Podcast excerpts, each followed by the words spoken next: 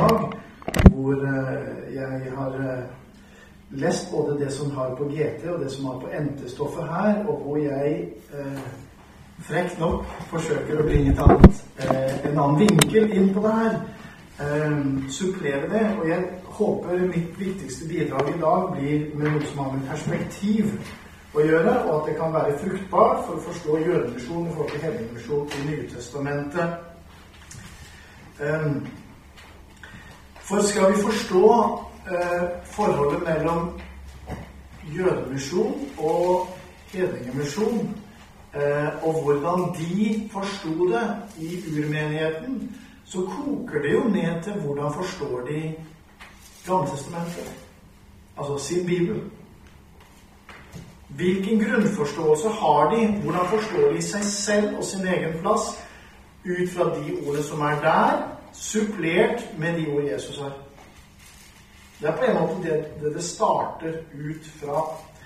Eh, når Paulus sier evangeliet er Guds kraft til frelse for jøder først, så taler han allerede til en gruppe i Rom hvor flertallet er ikke-jøder, hvor dette ikke er en selvfølge. Nødvendigvis.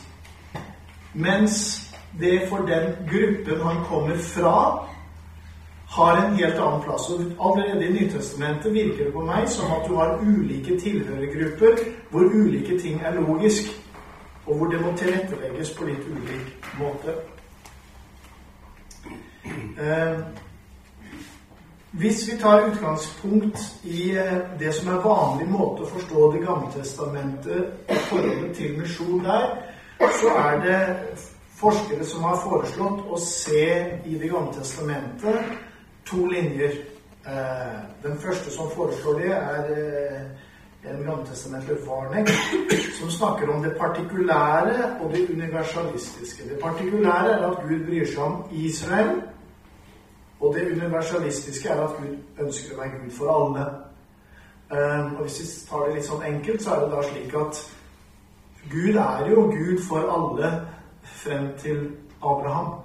Altså, Noe av alt det der er jo forfedre for alle. Men fra og med Abraham, Isak og Jakob så blir det en utvelgelse av noe som blir ett folk, og der får du det partikulære inn. Senere fikk du en annen eh, Sundken, Sundkler, mener jeg, eh, som rett før krigen kom med dette som har blitt ganske vanlig å snakke om det sentrifugale og det sentripetale. Det vil altså si at du i Gammeltestamentet, sier de, kan finne det at dels er det det at man går ut til folkeslagene med det en har på hjertet. Det vil vi kunne kalle misjon. da. Det andre er det sentripetale, at det beveger innover. Og du ser en god del skriftsteder hvor det er som om folkeslagene strømmer til Jerusalem, kommer inn mot en magnet, på en måte. Og det som jeg merker meg eh, i en sånn bok som dette her, det er at den prøver å komme på sporet av det som er det sentrifugale. Det at det liksom det er en bevegelse utover. Man skal nå gi budskapet til de der ute. Og etter min mening så trekker den en del av de bibelordene litt sånn etter hårene. Man må, man må, liksom få det til å gå opp, for man har veldig lyst til å finne det, dette misjonsperspektivet i Det gamle testamentet. Hvis vi da eh, og, og, og, det er helt klart at i Det gamle testamentet så er det slik at Gud bryr seg om mer enn bare israelsfolket. Du finner forskjellige steder hvor dels er folkeslagene Guds fiender, men dels er de også Guds redskaper mot Israel. Og Sånn som Jonah er jo en profet som sendes til noe Ikke et jødisk han går og, og vitner til. Det er en helt annen gruppe. Så det, jeg sier ikke at ikke dette universelle er der allerede. Men eh, grunnen til, Det er et par-tre grunner til at jeg mener at det er noe som vi ikke får med oss, som har ligget som premiss til og med før Jesus for å se for seg at det er noe som er sånn utoverbevegelse. Utover Når Jesus kaller sine disipler og skal sende dem ut to og to, så må han være eksplisitt og si at de får ikke lov å gå til hedningene og samaritanerne. Hvorfor gjør han det? Jo, fordi hadde han ikke satt den begrensningen, kunne de funnet på det. Det vil altså si, i motsetning til sånn som vi noen ganger tenker, så vil det si at det ligger et premiss der allerede at disiplene kunne funnet på å faktisk markedsføre, eller vitne om, preke om Jesus i samaritanernes og hedningebyene. Du ser også det samme at når disiplene er sinte på samaritanerne for ikke å la dem få lov å overnatte, så tilbyr de seg å kalle ned ild fra himmelen over disse her, og Jesus holder dem tilbake. Med det mener jeg å se at det også allerede i disippelflokken ligger noe som sier at når han er Messias, for det utroper de han til, så innebærer det det klinger noe fra Gamletestamentet som sier at når det skjer, så er tiden kommet for at vi skal gå i angrep, for å bruke et sånt ord, overfor folkeslagene rundt oss. Um,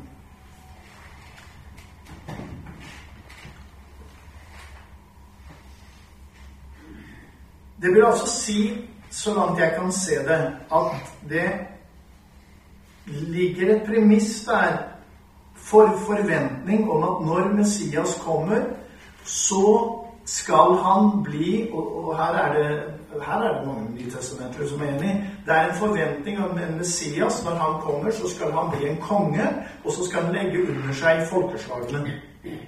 Eller de fiendene rundt. Det er derfor man Og det brukes da som et eksempel på hvorfor han ikke vil kalles Messias, ikke konge. Ikke sant? Det holdes litt tilbake. Jeg tror det er noe poeng i det. Eh, det sier samtidig at eh, dette med den lidende Messias, den lidende tjener, er fremmed i, eh, i, på denne tid. Det tror jeg ikke. Jeg tror ikke det siste ordet er sagt. Jeg bare gir én grunn til hvorfor jeg tror ikke det stemmer, selv om de aller, aller fleste bøker sier det. Og det er at um, når du kommer til 132, Bar Kochba-oppstanden, så har du forestillingen på jødisk side om to Messiaser. Messias-kongen og den lidende Messias.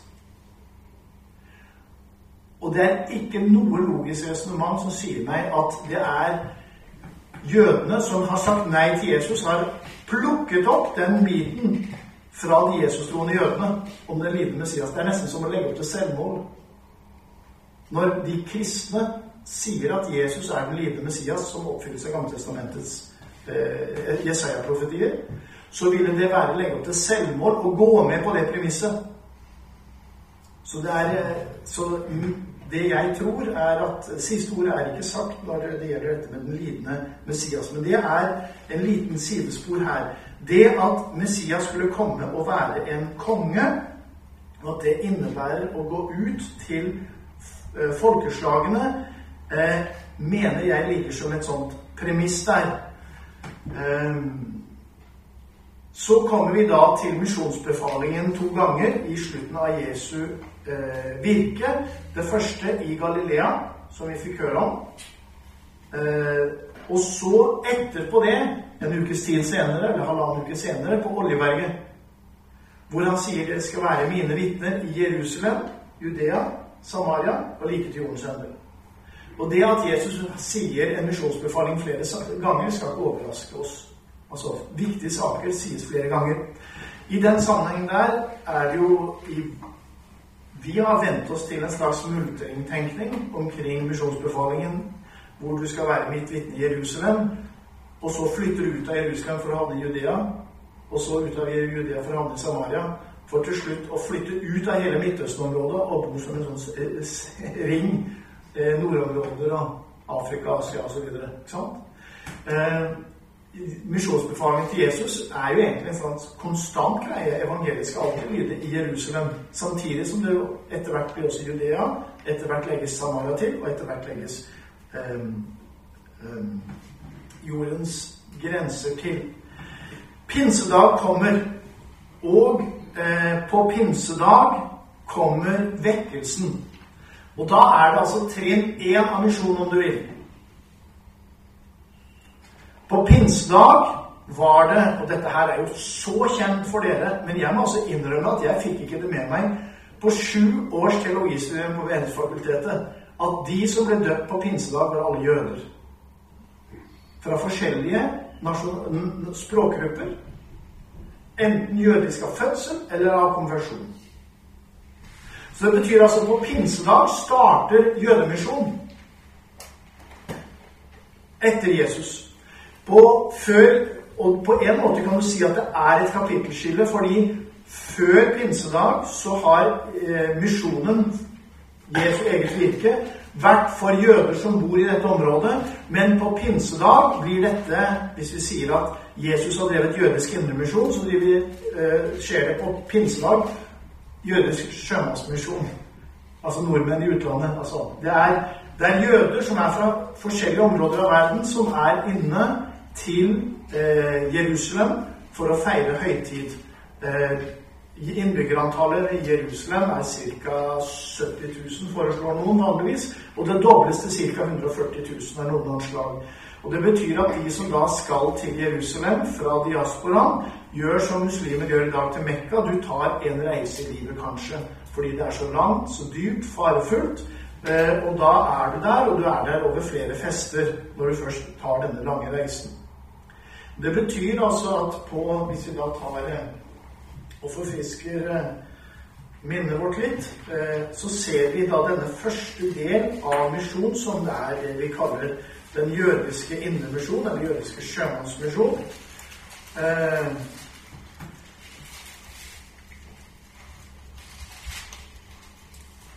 I kapittel 2, eh, vers 8, så ser dere der, Apostelens 2,8 I Jerusalem bodde det fromme jøder av alle folkeslag under himmelen. Ser dere? Det bodde fromme jøder fra alle folkeslag under himmelen.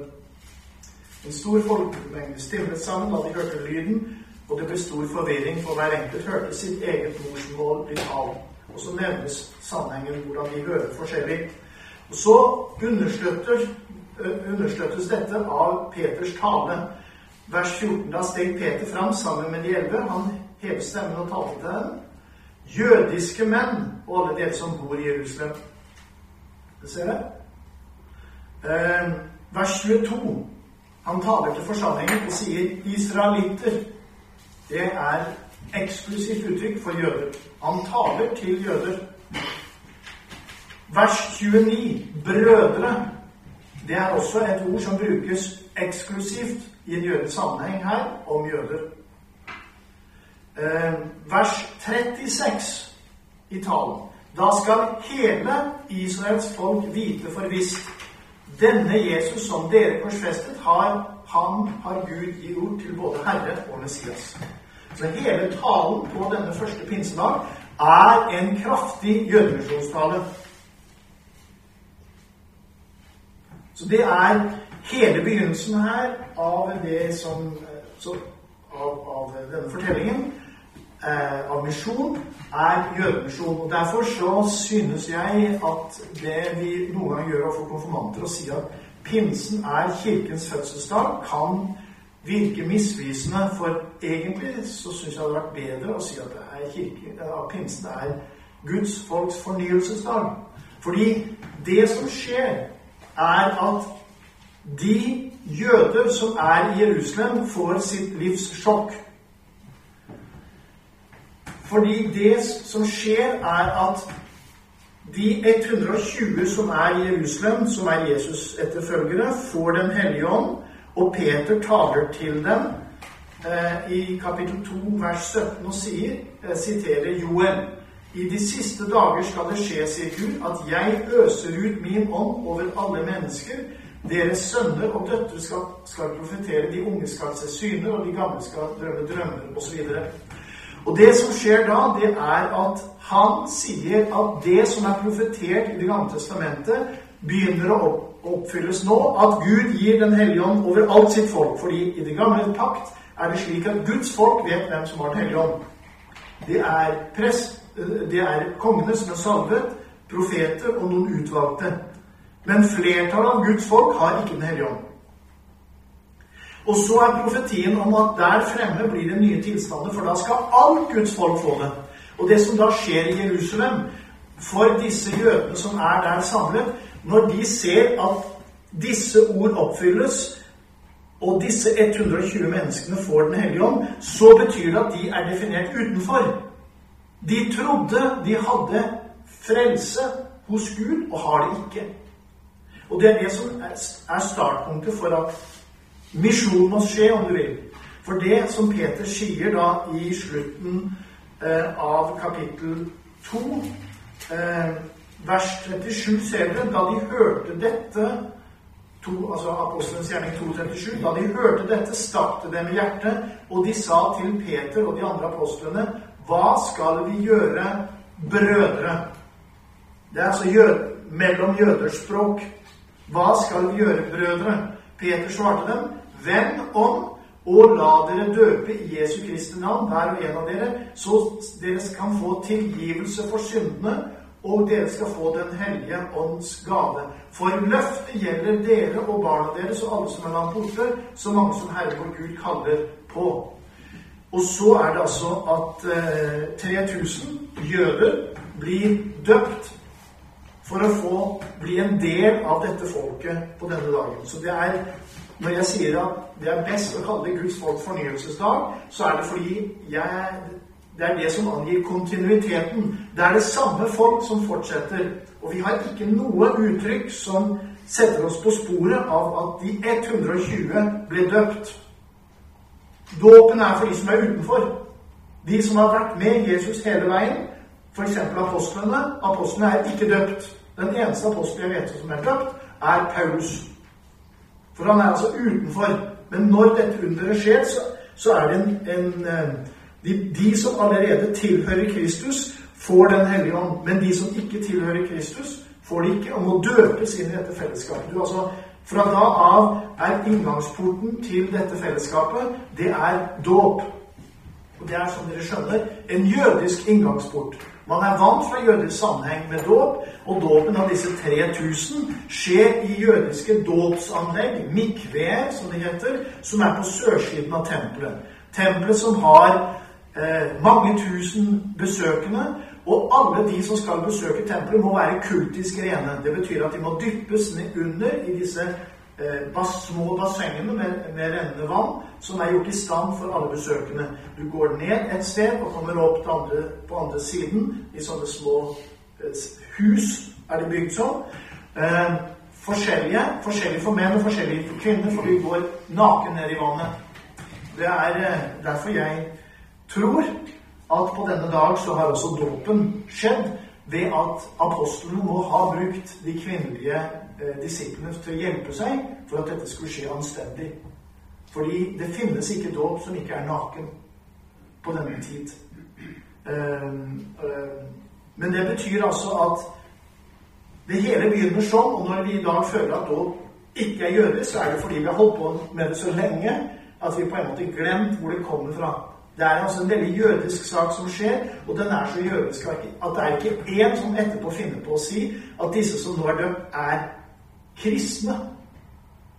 I sånn som vi tenker det. Eller at de ikke er jøder med.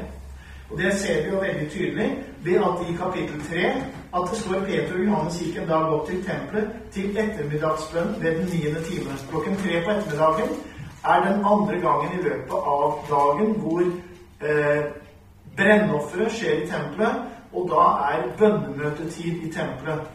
Det er det. det. Så det betyr at det hele, at misjon i Nytestamentet, starter med jødemisjon. Så historisk kan man ikke komme unna. Evangeliet er først altså Hvis vi sier etter, etter Jesu eget virke, så er det først jødemisjon. Det er det det er først.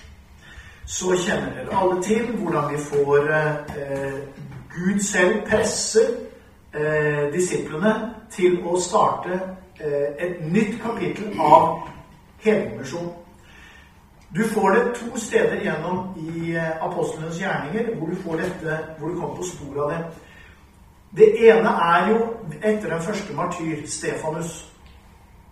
Da starter forfølgelsen. Og, da, og den forfølgelsen driver en del disipler, så vi får evangeliet til samaritanerne etterpå. Men det vi merker oss, er eh, kapittel 8. Samme dag brøt det løs en kraftig forfølgelse mot menigheten i Jerusalem. Det er altså etter Stefanus er drept. Alle, unntatt apostlene, ble spredd omkring i Judea og Samaria. Eh, og vers 4.: De som var spredd omkring, dro rundt og forkynte ordet. Philip kom ned til hovedstaden Samaria, og der forkynte han Kristus. Så det betyr altså forfølgelsen i seg selv bringer prekenen nå til Samaria. Bare så dere får dere hvor nøye apostlene tar misjonsbefalingen. Dere skal være mine vitner i Jerusalem, Judea, Samaria og like til jordens ender. Når forfølgelsen kommer i Jerusalem, så reiser alle fra Jerusalem, unntatt apostlene. Står det. Hvorfor er apostlene igjen? De må jo være de mest ettersøkte av alle. Er det noe du ønsker å ta, så er det ledelsen av en bevegelse du ikke liker. Den eneste forklaring jeg kan se, det er at de tar Jesu ord så ettertrykkelig bokstavelig dere skal være mine vitner i Jerusalem, Judea, Samaria og like til jordens ender. Slik at du kan ikke gi opp Jerusalem. Du kan ikke gi opp hovedstaden for det jødiske folk. Du kan gi opp hjertet og tempelstedet for det jødiske folk for å flytte troppene til å drive andre steder.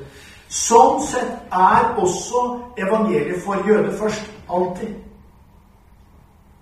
De fortsetter å bo der selv om det er farlig for dem, mens andre får lov til å reise til andre steder, og der preker de også.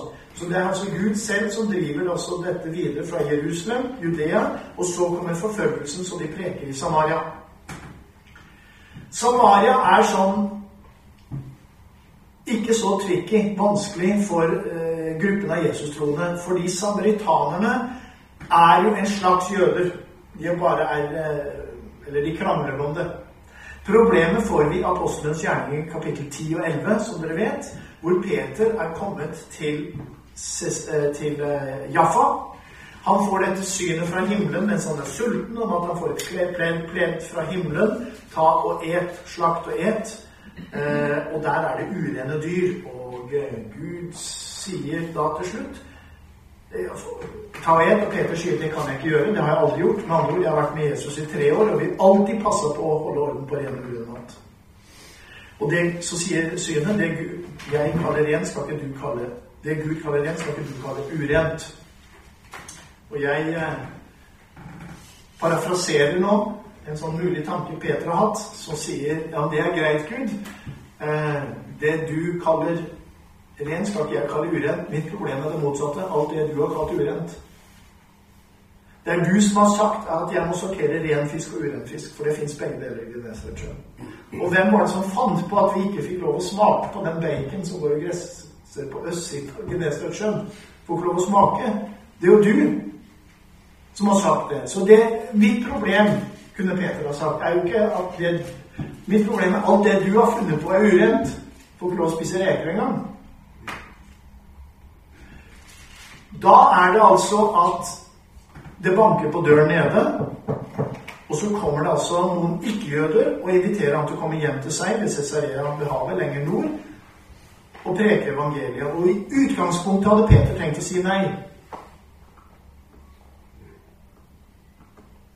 For i synet hadde han problemet Hva er det du vil, Gud? Det, det Gud kaller rent, skal ikke du kalle urent.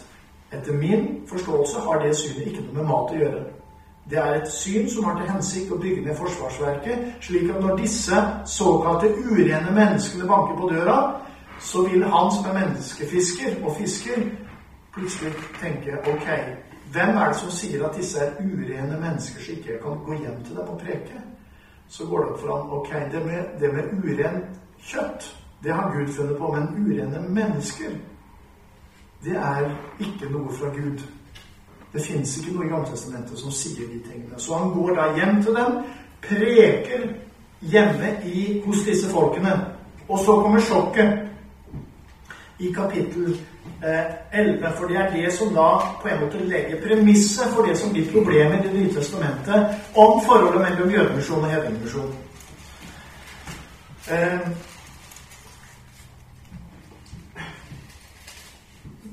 Peter har kommet hjem til denne gruppen av ikke-jøder. Eh, det er fromme hedninger. Det er sånne som sitter på bakerste benk av synagogen og kan Gammeltestamentet utenat. Stort sett som vet at det er bare frelse hos Abrahams, Isaks og Jakobs Gud. Det er bare én en eneste liten forskjell mellom dem og jødene. De er ikke omskåret. Vers, eh, kapittel 10 i eh, Apostlenes gjerninger, vers 44. Mens Peter fremdeles talte, kom Den hellige ånd over alle som hørte ordet. De troende av jødisk rett som var kommet dit sammen med Peter, ble forskrekket over at Den hellige ånds gave også ble øst ut over hedningene. For de hørte dem tale i tunger og lovprise Gud. Da sa Peter, disse har fått Den hellige ånd, slik som vi. Kan noen da nekte dem vannet og hindre at de blir døpt? Så bød han at de skulle døpes i Jesu Kristi navn. Etterpå ba de ham bli hos dem noen dager.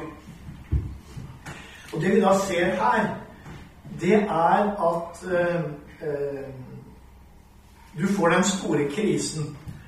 Og jeg, jeg, vet Vi ville naturlig ha spurt hva er det for noe Jesus? Nei, hva, hva, er det for noe Peter? Jesus har jo sagt dere skal være mine vitner i Jerusalem, Judea, Samaria og like til jordens ender. Skal du da ikke være vitne i, her i, eh, i, i Cesarea ved havet? Hvorfor vil du ikke? Hva er problemet? Og Så langt jeg kan se, så er problemet følgende nå skal jeg liksom si det på en enkel formel. Ønsket for de første Jesus-troende var å leve som Jesus.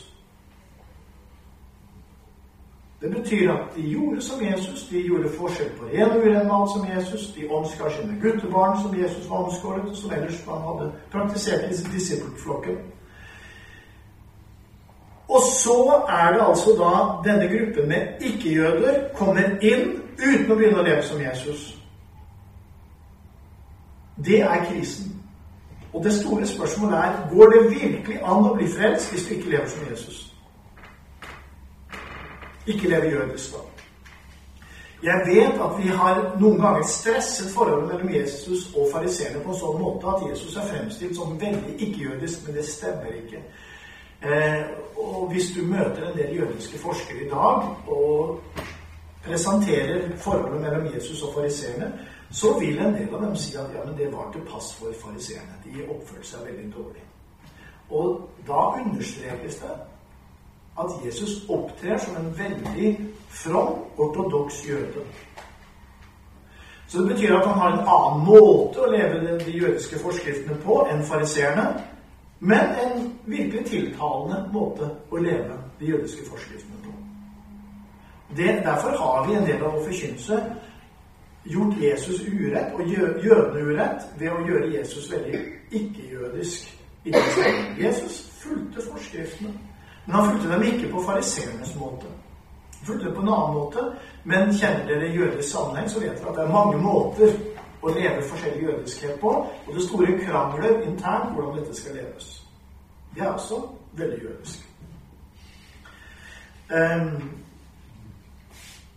det som er det store problemet, da, er hvordan skal du da gjøre disse to tingene? Hvordan forholder de seg til hverandre? Jødemisjon og misjon til ikke-jødene. Og det er bølger frem og tilbake, og den, det, det driver og murrer mye. Og dette murrer, og, og det får en form for konklusjon i Apostelens gjerning kapittel 15 det er det stedet hvor de må drøfte hva gjør vi med hedningmisjon. Og det, det at den diskusjonen der hjelper oss til å forstå også hva er forskjell på hedningmisjon og jødemisjon. Hvis vi nå, nå, leser vi faktisk det meste av, eh, av kapittel 15 av eh, apostelgjerningene. Vi har ikke lest, vi har sitert de andre stedene sånn fritt. Her leser vi. Det kom noen ned fra Judea og begynte å undervise brødrene. Hvis dere ikke følger den skikken vi har fra Moses, og lar dere omskjære, kan dere ikke bli frelst. Som taler altså til hedningkristne. Dette førte til konflikt og et heftig ordskifte mellom dem og Paulus og Barnabas. Da besluttet de at Paulus og Barnabas og noen av de andre skulle reise opp til Jerusalem og legge stridsspørsmålet framfor apostlene og de eldste. Menigheten sendte dem av sted, og de reiste gjennom Fønikia og Samaria. Til stor glede for alle søsknene som var der, fortalte de hvordan hedningene hadde vendt om. Da de var kommet frem til Jerusalem, ble de mottatt av menigheten apostlene og de eldste Unnskyld. Da de var kommet frem til Jerusalem, ble de mottatt av menigheten, apostlene og de eldste, og de fortalte dem om alt det Gud hadde gjort gjennom dem. Men noen fra fariserpartiet som hadde kommet til tro, sto fram og hevdet de må omskjæres og pålegges å holde Mosloven. Bare så du skjønner her nå. Det, det virker altså som det er en sånn selvfølgetenkning at når vi skal drive misjon blant hedningene, så innebærer det at de må leve jødisk. Så man, man var ikke mot at hedninger skulle bli med. Men de fikk ikke fortsette å leve som hedninger. Det er det, det, er det bråket går på. De, tanken var da i utgangspunktet at du, det, vi løser det ved at de kommer til tro på Jesus. Så blir de omskåret, holder forskriften og blir døpt. Og så er det altså spørsmålet at det er en annen vei. Vers 6. Så kom apostlene og Jesus sammen for å drøfte saken. Etter et hardt ordskifte reiste Peter seg og sa til dem, brødre, dere vet at Gud for lenge siden utvalgte meg blant dere, så hedningene skulle få høre evangeliets ord av min munn og komme til tro. Og Gud, som kjenner menneskets hjerte, gav dem sitt vitnesmål ved at de fikk Den hellige ånd slik som vi. Han gjorde ingen forskjell på oss og dem. For ved troen renset han hjertene deres. Hvorfor utfordrer dere da Gud og legger på disiplenes nakke et åk som verken våre fedre eller vi har maktet å bære? Nei, vi tror at vi blir frelst av Herren Jesu nåde, vi på samme måte som de. Så det vi merker her, Peter sier måten å bli frelst på er den samme for jøde og for ikke-jøde. Så det er den samme greia for to grupper. Vers 12. Da ble hele forsamlingen stille, og de hørte på Barnabas og Paulus, som fortalte om alle de tegn og under Gud hadde gjort blant hedningene gjennom dem. Da de var ferdige med å tale, grep Jakob, altså Jesu bror, ordet og sa, 'Brødre, hør på meg.' Simon har forklart hvordan Gud for lenge siden sørget for å vinne seg et folk av hedninger for sitt navn. Og dette stemmer med profetenes ord, slik det står skrevet. Og så siterer han Amos. Deretter vil jeg komme tilbake og gjenreise Davids falne hytte. Det som er revet ned, skal jeg bygge opp. Jeg reiser det på ny, for at resten av menneskene skal søke Herren. Alle folkeslag som navnet mitt er nevnt over. Så sier Herren, han som gjør dette kjent fra evighet av. Og så sier eh, Jakob videre. Derfor mener jeg at vi ikke skal lage vanskeligheter for de hedningene som, som vender om til Gud. Men vi skal skrive til dem at de skal holde seg borte fra det som er gjort urent ved avgudsdyrkelse, og fra hor, fra kjøtt av kvalte dyr og fra blod. For Moses har fra uminnelige tider hatt noen som forkynner dem i alle byer, og han blir opplest i synagogene hver sabbat. Og så er det de sender beskjed eh, ut eh, om disse tingene for å legge saken på plass. Dette er for meg en av de mest fascinerende steder for å prøve å forstå hvordan forstår urmenigheten misjonsbefalingen. Både til jøder og for ikke-jøder. Fordi det som skjer her, er, er at han griper til et ord jeg aldri ville funnet på å gripe til sjøl.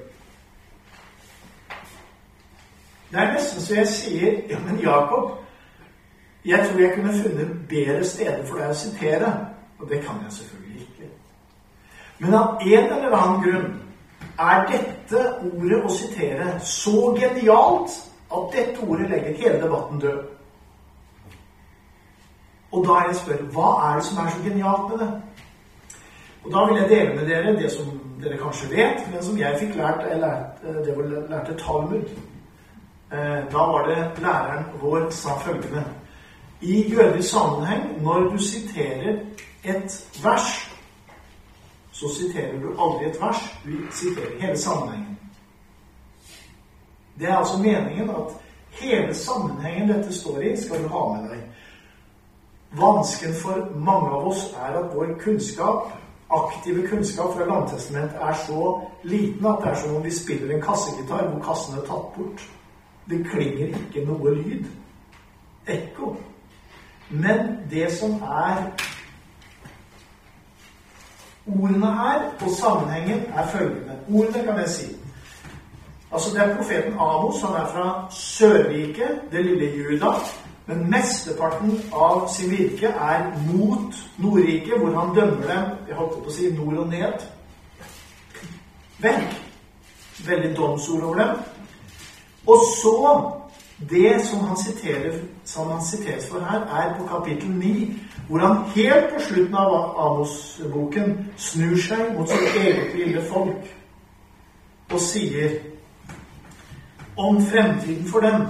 Deretter vil jeg komme tilbake og gjenreise Davids falne hytte. Det er altså kongedømmet i sør. ikke sant? Det som er revet ned, skal jeg bygge opp. Jeg skal reise det på ny, for at resten av menneskene skal søke Herren. Alle folkeslag som navnet mitt er nevnt over. Så sier Herren, han som gjør dette kjent fra evighet av. Um, og sammenhengen ellers er jo da at dette kongeriket skal underlegge seg naborikene, Edom og de andre. Og da er det jeg spør meg Hva er det som er så genialt med dette sitatet som gjør at alle sier at ja, men det er soleklart? For det han gjør det er at han tar én tekst som profeten Amos profeterer over Sørriket. Skal jeg si en militær erobringstekst. En tekst om hvor Judariket skal underlegge seg militært det som er rundt. Og så sier han det oppfylles nå. Og her er det at jeg da har min lille hypotese. Men jeg tror faktisk den stemmer. Den stemmer så godt at Reidar Varvik mente at skulle jeg noen gang skrive noen skikkelige greier, så kunne jeg gjøre det på dette feltet her. Men det tror jeg ikke kommer til å gjøre. Jeg har foreslått flere andre som skriver maser og sånt, og prøver seg på det. Det er iallfall bevist at denne militære erobringsteksten fra Gammeltestamentet forstås om misjon. Og det betyr at hvis de militære profetiske erobringstekstene fra Gammeltestamentet Hvis de forstås om misjon av urmenigheten, da plutselig vrimler det av angrepstekster om misjon fra Gammeltestamentet. Det er jo det som jeg syns er så fascinerende, fordi da er det og Husker jeg sa altså det sentrifugale innover og sent, Nei, sentrif... Ja, fugale utover Unnskyld, jeg. At det mangler ord. Ja, Men det gjør det ikke i det øyeblikket disse ordene om at Israel skal nedkjempe nabofolkene. I det øyeblikket de ordene forstås om tiden for Messias. Da betyr jo at det er masse ord om at det skal liksom ekspandere. Det som er helt brennsikkert, er at denne teksten fra Amos, som dreier seg om å erobre nabofolkene militært, forstår umenigheten og misjonen. Det er helt sikkert, for det brukes som bevistekst her. Men det jeg antar, det er at det er sånn de forstår alle tekstene. Og det betyr da at det har litt å si for hvordan du forstår misjonen. Det vil i tilfelle forklare hvorfor Jesus ikke bruker Messias om seg selv. For i det øyeblikk han er utropt som Messias, begynner angrepet. For profetien i Gamletestamentet er at det er Israels kommende Messias som skal underlegge seg nabofolkene. Og er ikke det ganske pussig at Jesus selv, når han virker, bruker ikke Messias som seg selv, men bruker Menneskesønnen som tittel om seg selv? Straks etter oppstandelsen brukes Messias hele veien. Og, og, og min hypotese det er at ordet Messias, når det står Jesus Kristus, betyr Jesus angrep, om du vil. Å si at Jesus er Messias, er det samme som å si at han er konge. Og er han konge, så er erobringstiden begynt. Og de militære erobringstekstene oppfylles når den Jesus-troende gruppen av jøder underlegger seg hedningefolket som kommer til tro på Jesus.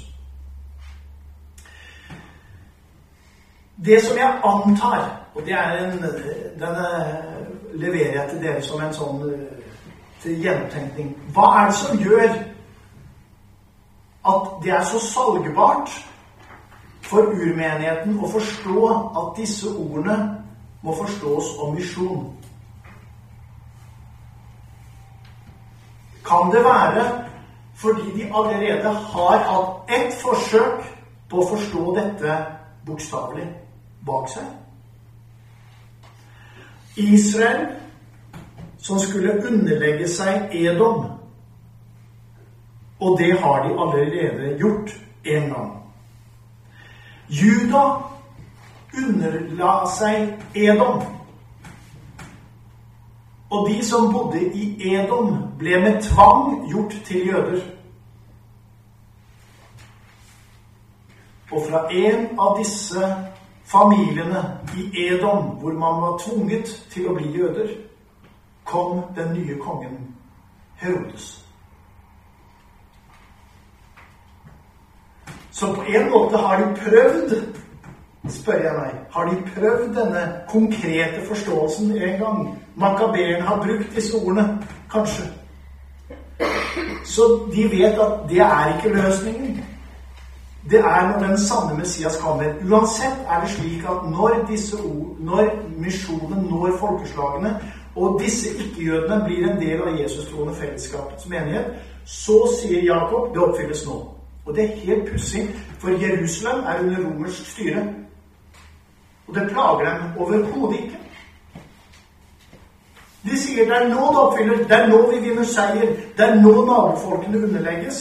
Og alle skjønner da at på samme måte som, som Edom skulle underlegges i Juda, men fortsette å være Edom, så er det ikke poenget og ikke meningen å gjøre hedningefolkene til jøder. Vi gjorde Herodes familie til jøder, og det ble en ulykke. På det politiske planet.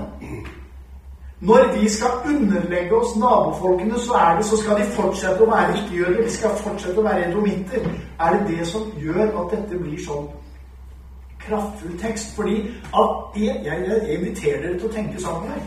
Av en eller annen grunn er denne teksten det som får alle til å si den er grei, vi skal ikke tvinge dem til å omskjære seg.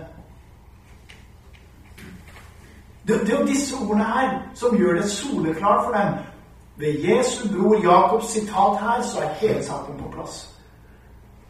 Og jeg er på leting. Hva er det som gjør at det liksom alt går på plass ved dette sitatet her? Um, Paulus eh, eller, Men vi merker oss ett ord til i slutten her. Og Der er et sted hvor, eh, hvor eh, jeg vet, eller, vet, eh, hvor, hvor en, Det er vel det eneste punktet jeg veit om hvor jeg er uenig med Skarsjøene. Han er rasende flink.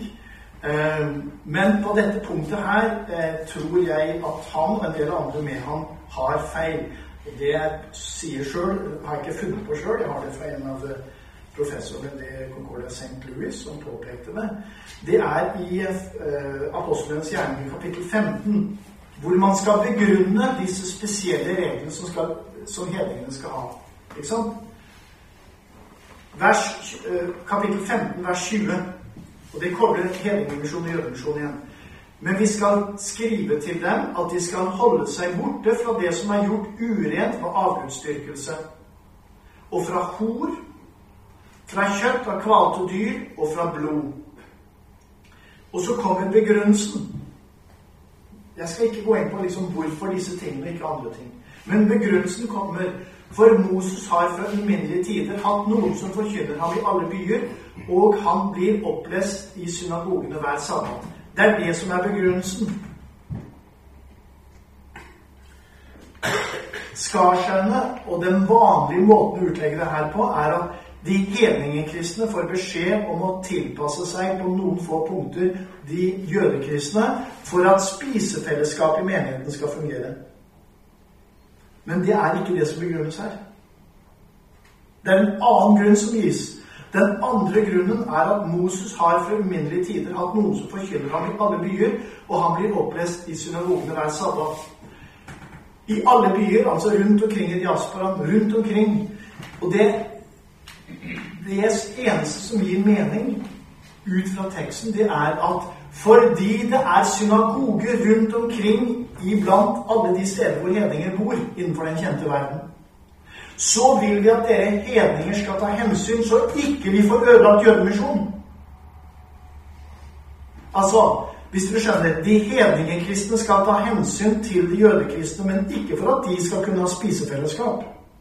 Men for ikke å bli til anstøt når jødene skal drive misjon i synagogen. Skjønner? Fordi det er det som er grunnen her. Hvorfor skal de gjøre disse greiene her? Vers 21. For Moses har fra uminnelige tider hatt noen som forkynner ham i alle byer, og han blir oppreist i synagogene hver sabbat. Det betyr da i tilfelle at når du driver hedningmisjon, så må du gjøre det på en sånn måte at du faktisk backer opp jødemisjon. Sånn er logikken her.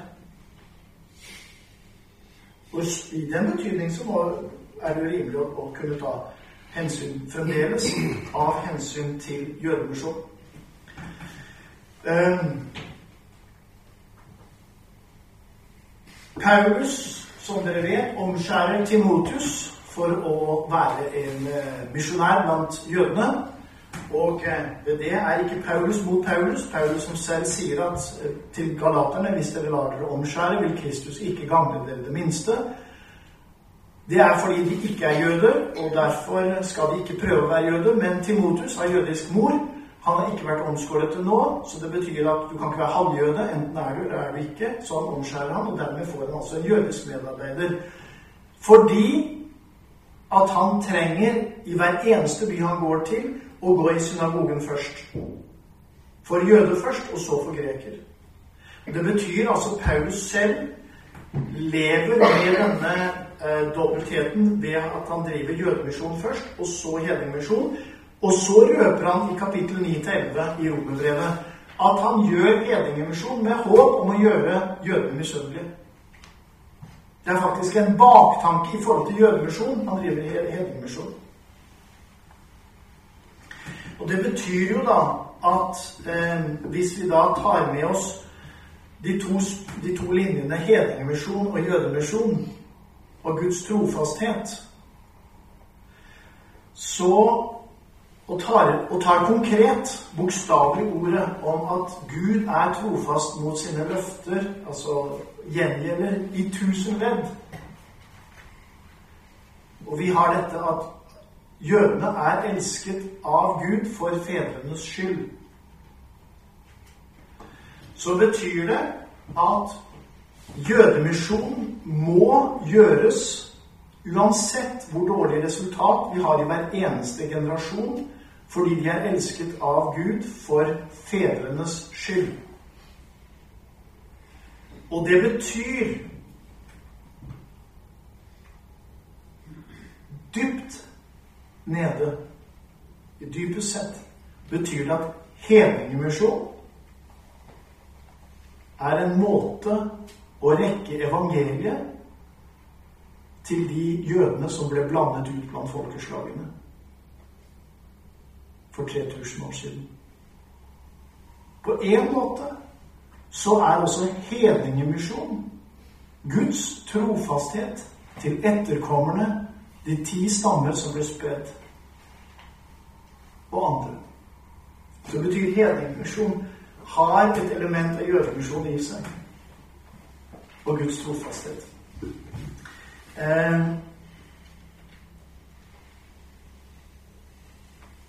det er disse ting jeg eh, tenkte jeg skulle dele med dere. Eh, mitt jeg tror mitt bidrag er å forsøke å bringe inn et sånt perspektiv her. Her er det veldig mye på fotnotenivå som jeg i min livssituasjon ikke er i stand til å forberede. Eh, fordi livet er litt klemt. Men jeg håper iallfall at denne måten å bringe ut et sånt perspektiv på kan være fruktbart for den videre samtalen.